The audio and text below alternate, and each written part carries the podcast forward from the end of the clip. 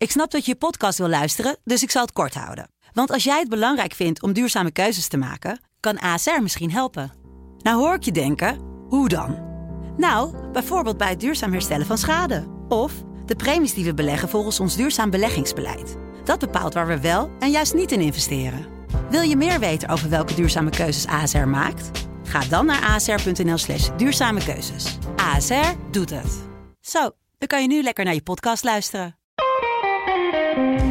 Dit is Werelds, de buitenlandpodcast van De Telegraaf. Diese vierte Amtszeit ist meine letzte als Bundeskanzlerin der Bundesrepublik Deutschland. Guten Abend Annalena Baerbock, guten Abend Armin Laschet und einen guten Abend Olaf Scholz. 16 Jahre Angela Merkel waren gute Jahre. Machen wir ein Weiter so der Großen Koalition oder schaffen wir einen echten Aufbruch? Das ist nicht nur unfinanzierbar, das ist unsolidarisch und unmoralisch. Met Thijs Wolters en Frank van Vliet.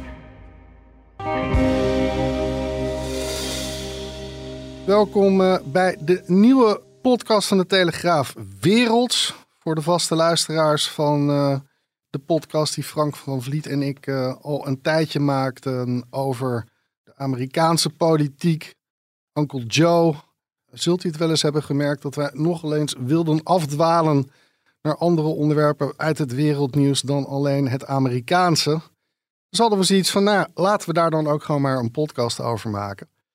En uh, deze eerste aflevering gaan we natuurlijk doen over het belangrijkste nieuws dat eraan zit te komen. En dat is uh, komende zondag de verkiezingen voor de Duitse Bondsdag. En met wie kunnen we dat beter bespreken dan onze eigen correspondent in Duitsland, Rob Zavelberg. Rob, goedendag. Ja, goedemiddag, uh, goeiedag, guten taak, zoals ze hier in Duitsland zeggen. En servus inderdaad, zoals we net al tegen elkaar zeiden. Uh, laten we beginnen even over uh, iemand van wie we afscheid gaan nemen naar komende zondag. Dat is Angela Merkel natuurlijk. Um, na 16 jaar, een hele lange periode, uh, stopt ze ermee als de kanslerin. Um, wat, wat, wat, wat zou je zeggen? Wat, wat is het belang van Merkel geweest voor Duitsland? Wat heeft ze voor elkaar gekregen? Ja, dat is natuurlijk een hele waslijst waarmee we kunnen, kunnen beginnen. Uh, die mevrouw die zit er gewoon heel erg lang. En jongeren bijvoorbeeld die in die tijd werden geboren, die opgroeiden, die hebben nooit iemand anders meegemaakt dan Angela Dorothea Kastner, zoals haar meisjesnaam luidde. En uh, vrouw Bundeskanzlerin, zoals ik haar moet uh, aanduiden als ik met haar uh, spreek in Berlijn. Mm -hmm. Ja, en dat is dus een persoon die lang, langer zit dan Mark Rutte. Mark Rutte zit natuurlijk ook al sinds de middeleeuwen, geloof ik, in, in Nederland. En Merkel nog een stuk langer, zo lang als haar leermeester Helmut Kohl. Dat was de man van de, ja, niet alleen de Europese Unie, de Europese eenwording, maar ook natuurlijk van de Duitse hereniging, die in 1989, 90 zo plaatsvond hier in uh, Berlijn. Duitsland was een gedeeld land uh, met een rijk West-Duitsland en een socialistisch Oost-Duitsland. En ik bevind me nu net op de grens van uh, Oost-Berlijn met West-Berlijn. En ja, die tijd is, is voorbij. En na Kohl en Schröder kwam dus Merkel heel erg lang. Zij kwam uit het, uit het oosten van Duitsland en heeft dus die twee verschillende landen nog meer met elkaar herenigd. En uh, inmiddels is Duitsland opnieuw zeer, zeer rijk, zeer, zeer sterk. Grootste land in de Europese Unie. Uh, de sterkste economie van de eurozone en uh, exportweldmeister, zoals ze graag zeggen. waren het niet dat ook de Chinezen natuurlijk aan de deur kloppen? Dat, mm -hmm. ja, dat merk je ook wel. Dat, dat in Duitsland ook wel een, een bepaalde afkeer uh, van de Verenigde Staten uh, heeft plaatsgevonden, al lang ook deels bestaat. Dat heeft niet alleen met Trump te maken. Ze kijken natuurlijk ook naar de Russen, wat doet Moskou en hoe kunnen we zaken doen met de Chinezen. Dus daar heb je dus de grote wereldspelers waarmee Duitsland ja, zich graag omringt. dus het gaat om, om heel veel bij deze verkiezingen. niet alleen om 700 uh, plekken voor volksvertegenwoordigers in de Bondsdag. Dat worden er misschien zelfs 1000, dus 300 uh, erbij. Dat zou betekenen dat de hele Tweede Kamer nog eens keer twee erbij komt. Nou, dat kan allemaal in Duitsland. Er is veel geld, weliswaar corona. Maar ja, Merkel heeft behoorlijk goed op de winkel gepast, denk ik. En ja, daarmee kunnen we misschien dit gesprek starten. Ja, zou je dat ook haar belangrijkste erfenis noemen? Dat, dat, dat ze goed op de winkel heeft gepast? Deels wel. sommige mensen hier in Duitsland die zeggen van ideologie. Ja, je hebt natuurlijk het socialisme hier gehad. nu de markteconomie, ook het nationaal socialisme. Het nazisme, dat kwam uit, uit Duitsland. Maar sommigen zeggen hier ideologie, dat is voor iets voor mensen die eigenlijk naar de dokter moeten, want die hebben een afwijking. En mm. uh, Merkel was eigenlijk niet heel ideologisch. Ze heeft de helft van haar leven heeft ze in uh, communistisch Oost-Duitsland gewerkt en gewoond. ik had niet de indruk dat ze daar eigenlijk weg wilde. Ze had ook wel de kans om naar West-Duitsland te gaan tegenover veel anderen die werden doodgeschoten of werden opgesloten als ze dat überhaupt probeerden. ze sprak vooral goed Russisch, was vaker natuurlijk ook in in Moskou. Ze was secretaris geweest voor de Vrije Deutsche Jugend, ja, jeugdorganisatie, maar natuurlijk wel van de partij, van de Socialistische Partij. En ineens in 1989, na de val, die plotse val van de muur, toen besloot ze om iets anders te doen met haar leven. Om niet als uh, natuurkundige in een barak in Berlin, Adlershof, ja, haar dagen te slijten, maar om um, ins offene te gaan. Dus uh, open te zijn voor de toekomst en ook voor iets nieuws. En toen is ze opeens die politiek binnengestapt. En ze was een vrouw en Oost-Duitse. En de, de katholieke mannenpartij, het CDU uit het West-Duitsland van Helmut Kool, die, wat, die had behoefte aan vrouwen en aan Oost-Duitsers. Ze kwam in contact met Kool en binnen een uh, paar maanden was ze woordvoerder van de laatste DDR-regering. En een paar maanden later was ze zelfs minister onder Kool. Dus zo snel kan het gaande. Dus ja, het de verbazingwekkende verhaal van het meisje uit, uit Hamburg dat in de DDR opgroeide en opeens een, wereldspeler werd. Ik wil toch nog even een persoonlijke anekdote van jou uh, nog eens een keer horen. Want we hebben dat alles met smaak van jou gehoord tijdens een bijeenkomst met de correspondenten. Maar er is ooit een cocktail naar jou genoemd, de Savelberg. En dat heeft te maken met Merkel. Leg dat eens uit. Ja, kijk, die, die uh, mevrouw is vaak ook uh, mijn, mijn buurvrouw geweest op veel uh, adressen. Ze woont bij mij in de buurt. Ik ontmoet haar ook in de supermarkt, maar natuurlijk ook vaker in de Bondsdag, in de bondskanselarij, haar kantoor. En toen zij een, een, nieuwe regering voorstelde, toen vroeg ik aan haar in aan plein publiek. de stemming was tamelijk feestelijk, want ze waren blij met de nieuwe regering.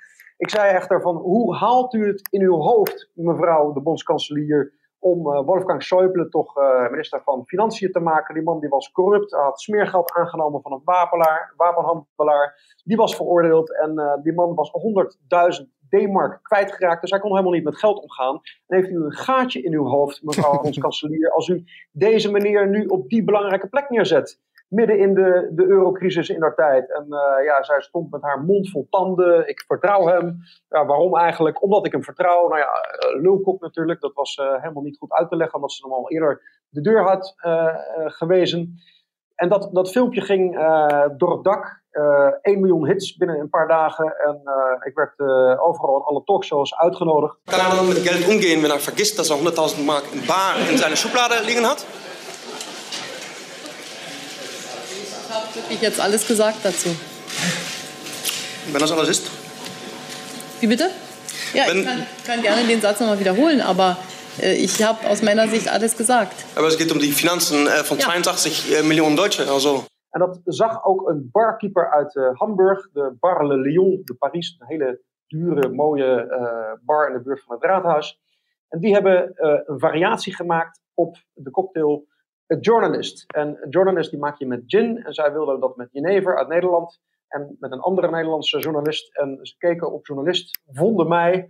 En gebruikten daarvoor de Rutte jenever uit Schiedam. en uh, ja, zo was de Savelberg geboren. Die intussen ook in de cocktailbijbel van de wereld. In de Difford's Guide is opgenomen. Fantastisch. Hey, uh, we zijn nu in 2021. Er was sprake van dat Merkel eigenlijk al eerder zou opstappen. Alleen ze heeft er toch nog één termijn aan vastgeknoopt. En dat zou op verzoek van Obama zijn gebeurd. Hoe zit dat precies? Ja, kijk, uh, Merkel heeft een, uh, ze is hertrouwd uh, met professor Dr. Joachim Sauer, een chemicus, een man die tegen de Nobelprijs aanloopt. En die was al met pensioen, was aan de Humboldt Universiteit werkzaam. En zij wilde eigenlijk van haar pensioen genieten uh, rond uh, 2017, dus uh, vier jaar geleden. En de, lekker wandelen in, in, de Alpen bijvoorbeeld, of espresso drinken in, in Italië. ze houdt van reizen, ze houdt van cultuur, vooral van de opera en zo. En het was eigenlijk wel welletjes. Mhm. maar ze begreep wel, die Brexit zat eraan te komen. En uh, ze begreep ook dat Trump een uh, onnavolgbare persoon was die mogelijk het beste of zelfs de hele NAVO uh, in elkaar had kunnen laten donderen. Men wist natuurlijk toen nog niet dat hij zijn aanhangers ophitste om het eigen parlement te bestormen met een hoop doden als gevolg. maar ze begreep dus dat is een moeilijk moment voor het Vrije Westen. Zij was in dat tijd Miss World, zo werd ze genoemd. Uh, en heeft toen besloten om toch nog even door te gaan. En nu is het wel welletjes 2021. Trump is weg en Merkel gaat met pensioen. Ja. Als je 16 jaar lang uh, de, de, de, de kanselier levert zoals uh, de CDU heeft gedaan, dan krijg je natuurlijk opvolgingsproblemen. Lachette is het uiteindelijk geworden, de kandidaat, maar dat is niet zonder slag of stoot gegaan. Nee, het is een groot probleem ge geweest natuurlijk, het gevecht om de macht. Uh, eerst uh, wilde Angela Merkel een andere vrouw, Anna, Annegret Kramp-Karrenbauer, AKK, met een uh, afkorting ervoor. zij moest het veld ruimen, was niet sterk genoeg, niet rücksichtsloos genoeg.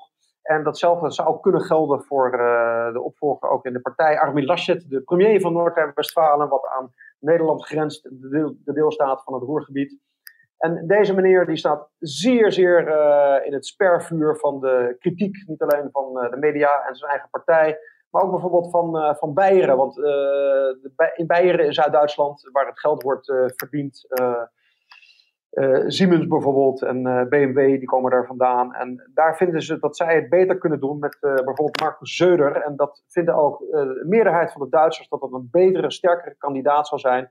Dat betekent veel opvolgingsproblemen bij de christendemocraten in Duitsland, die daardoor mogelijk zelfs de macht gaan verliezen. En daar zijn ze zich uh, deels op aan het voorbereiden. Dat wordt een groot probleem. Dus echt het einde van een tijdperk, van een christendemocratisch, uh, mogelijk ook rechtstijdperk in Duitsland. Ja, laten we nog heel even naar uh, Armin uh, Laschet zelf uh, gaan luisteren, want daar hebben we nog even een fragmentje van klaarstaan. Nicht mit neuen Belastungen für die Wirtschaft, sondern dass jetzt investiert wird, dass neue Arbeitsplätze entstehen. Das ist die eine große Frage. Die zweite große Frage ist, wie bleiben wir klimaneutrales Industrieland? Also wie erreichen wir die Klimaziele und erhalten trotzdem die Arbeitsplätze in unserem Land? Bei der Automobilindustrie, bei Stahl, bei Chemie. Die dritte Frage ist Sicherheit, innere Sicherheit, äußere Sicherheit. Wir merken, dass wir wieder terroristische Bedrohungen haben und wir müssen alles tun, mit Klarheit ein sicheres Land zu werden. Und das ist mein Ziel als Bundeskanzler. Uh, we hoorden net Laschet die tijdens een van de verkiezingsdebatten aangaf wat zijn drie hoofddoelstellingen zouden zijn. Dat waren de economie, dat waren het klimaat en dat waren veiligheid. Zijn dat ook echt thema's die, die de Duitsers aanspreken? Ja, natuurlijk. Uh, economie is altijd belangrijk. Uh, in Duitsland is ook veel armoede, maar geld moet natuurlijk ook worden verdiend. Uh, dat betekent dat het bedrijfsleven goed moet, goed moet draaien en zo. En, dus wat goed is voor de burgers, wat goed is voor de bedrijven, daar gaan de verkiezingsprogramma's over. Die zijn heel, heel dik, bijna vuistdik, zou je kunnen zeggen, in Duitsland. dat zijn natuurlijk belangrijke thema's, maar ook bijvoorbeeld het thema van corona, de pandemie natuurlijk. Duitsland is er een stuk beter uh, doorgekomen dan veel buurlanden. Vooral omdat ze een tamelijk superieur gezondheidsstelsel hebben met een oververzorging, zeiden ze vroeger altijd. Maar uh, nu kunnen we zien dat de Duitsers voor een pandemie zeg maar veel in huis hadden. Ze hebben natuurlijk ook het, het eerste vaccin van Pfizer in Duitsland ontwikkeld. Hier heet het BioNTech trouwens.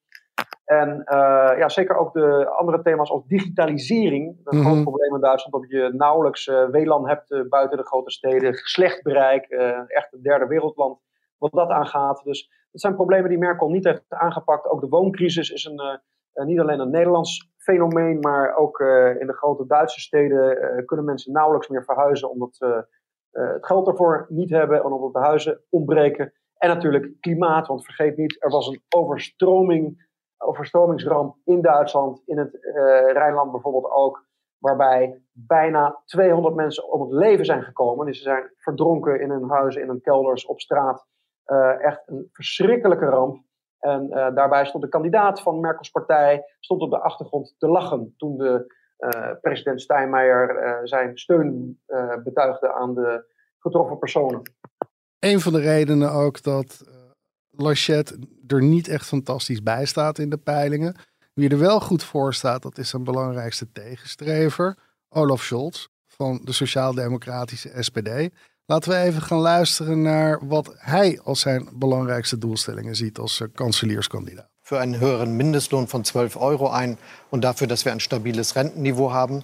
Und gleichzeitig möchte ich dafür Sorge tragen, dass wir unser Land modernisieren, dass wir die industrielle Zukunft gut bewältigen, sodass wir in 10, 20, 30 Jahren noch gute Arbeitsplätze haben und es gleichzeitig schaffen, den menschengemachten Klimawandel aufzuhalten. Also drei große Vorhaben, die niet onwichtig zijn voor die 20er jaren die jetzt beginnen. Zich uh, niet heel veel anders dan, dan wat Lachette zei. In ieder geval wat de eerste twee punten betreft, namelijk economie en klimaat.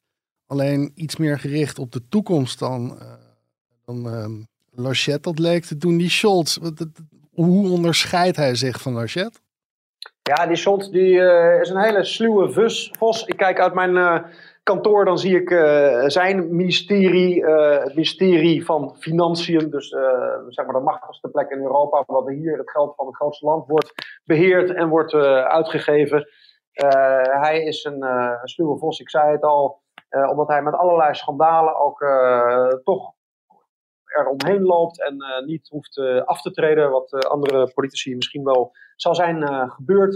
Um, hij is advocaat geweest, ook advocaat voor, voor werknemers bijvoorbeeld. Dus voor Jan met de pet, voor de gewone man, zoals hij altijd vaak zelf zegt. Um, is dat bijvoorbeeld ook de reden dat hij dus nu dat minimumloon wil gaan minimaliseren op 12 euro per uur? Ja, maar dat betekent dus een verhoging. Dus het wordt niet, niet zo niet, niet lager, maar uh, daar komt bijna.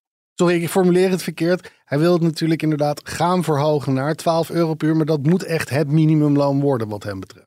Precies, en dat is toch wel een, een verhoging met een euro of drie erbij. Dat is natuurlijk heel veel geld en we hebben een crisis. de schulden zijn heel veel centen natuurlijk uitgegeven. 400 miljard euro extra voor de coronacrisis, uh, natuurlijk het, het corona-Europese uh, fonds van uh, eh, 750 miljard euro wordt grotendeels ook door de Duitsers bekostigd.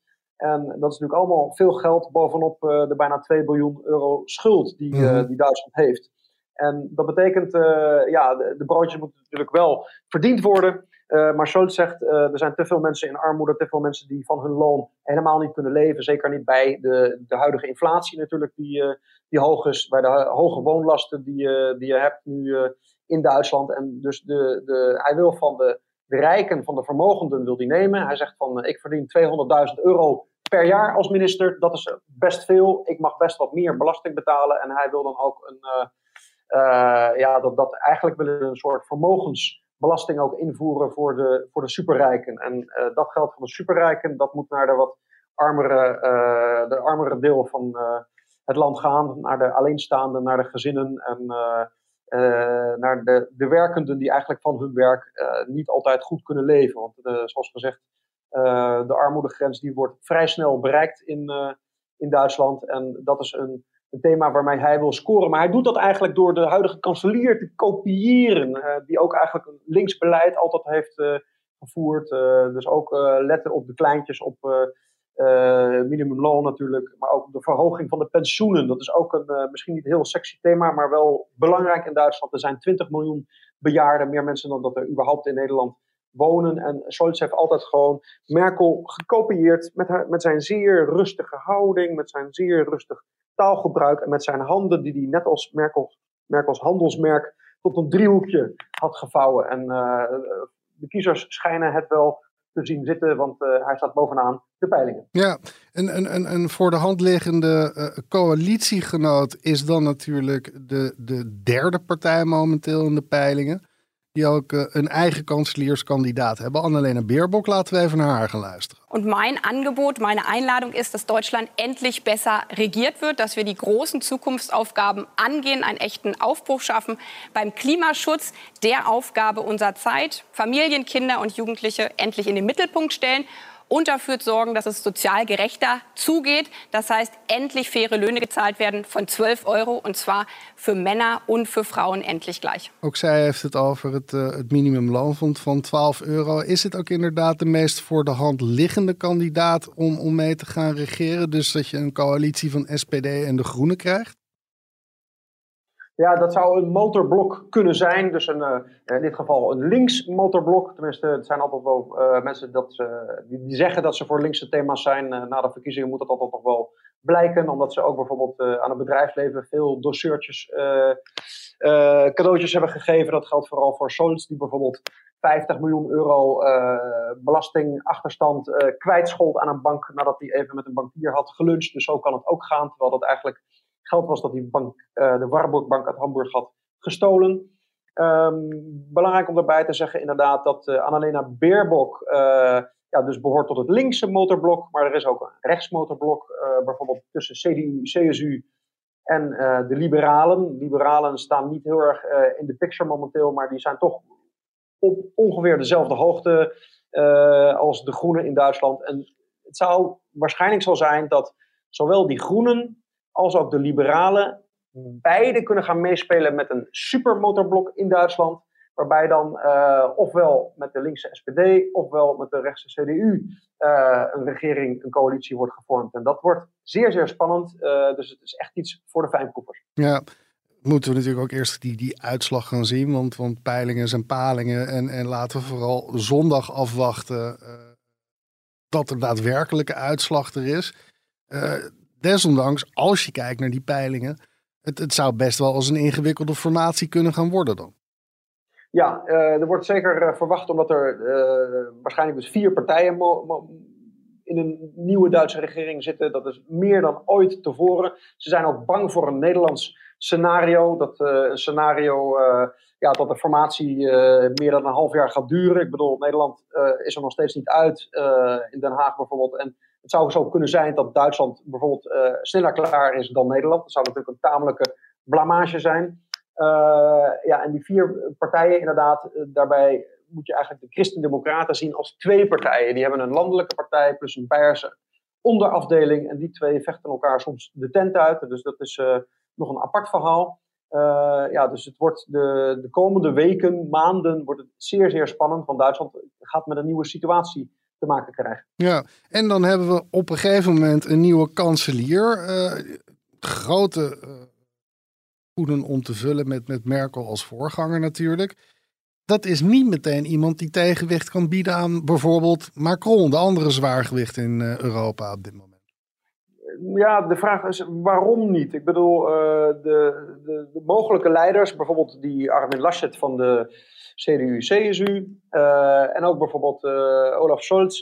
Het zijn geen, uh, geen domme jongens. Ze hebben veel regeringservaring, misschien meer regeringservaring dan Macron had. Macron was natuurlijk een, een veel jongere persoon.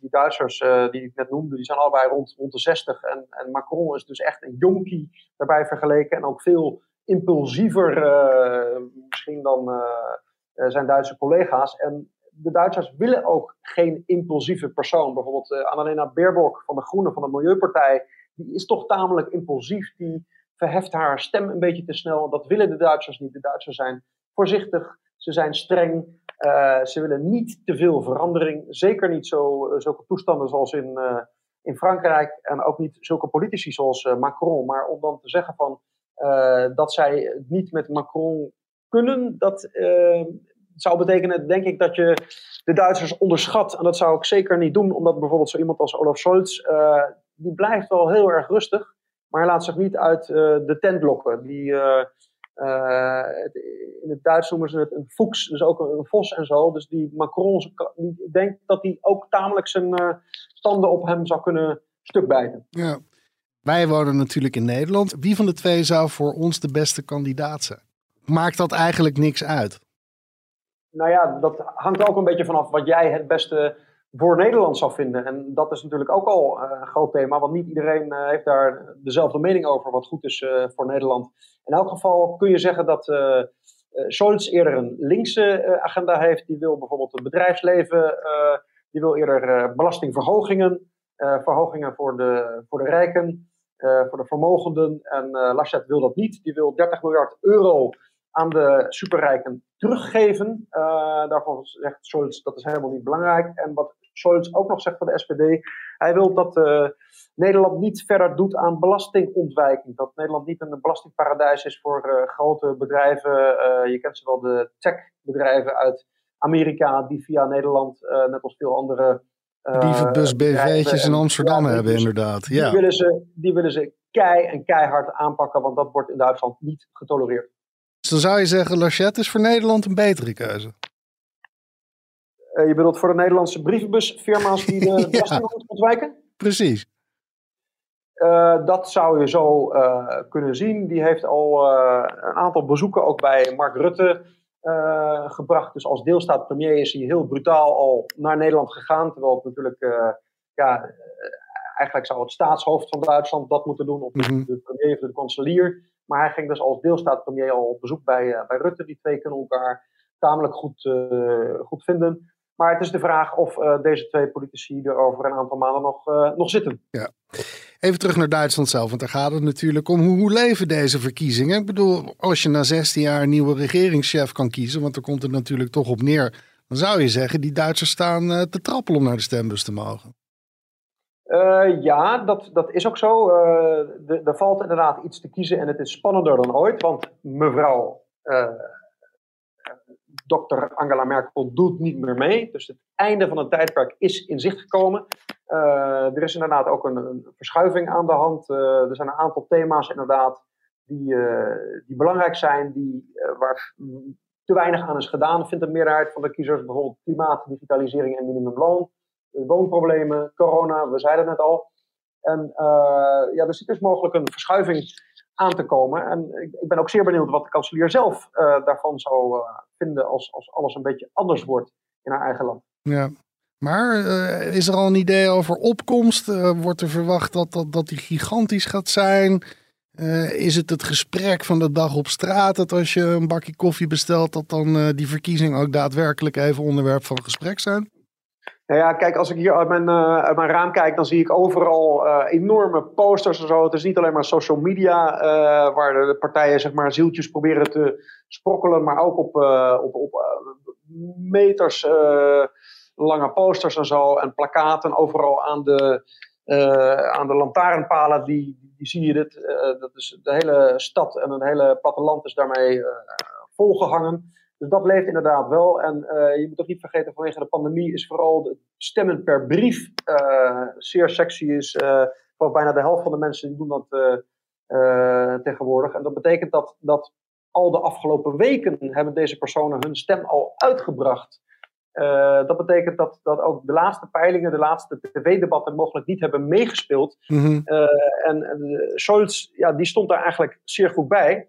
Dus stel dat er deze laatste dagen nog iets mag gebeuren, dan heeft dat misschien geen invloed meer, omdat uh, heel veel Duitsers al hun stem hebben uitgebracht. En dan praat ik over 50 miljoen stemgerechtigden en daarvan ongeveer de helft.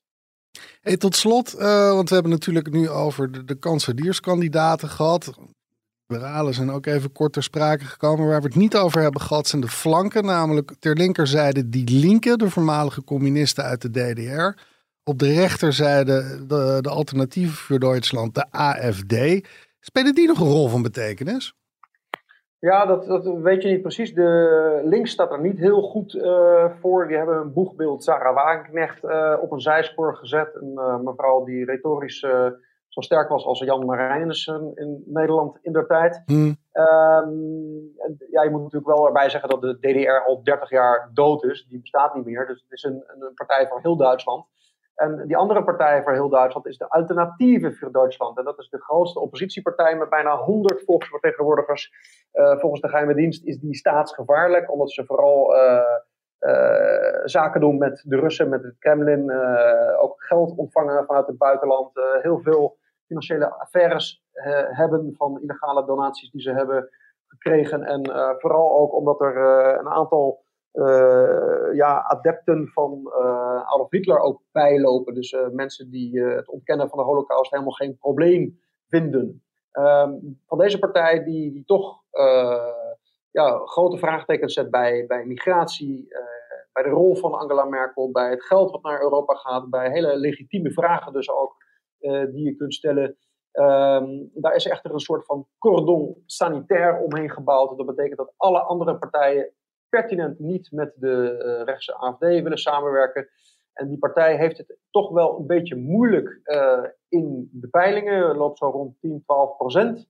Maar uh, je moet er wel bij zeggen, bij de laatste verkiezingen hebben ze vooral in Oost-Duitsland bijna overal gewonnen. Werden bijna overal de sterkste partij. Dus die zou misschien nog wel voor een kleine verrassing goed kunnen zijn.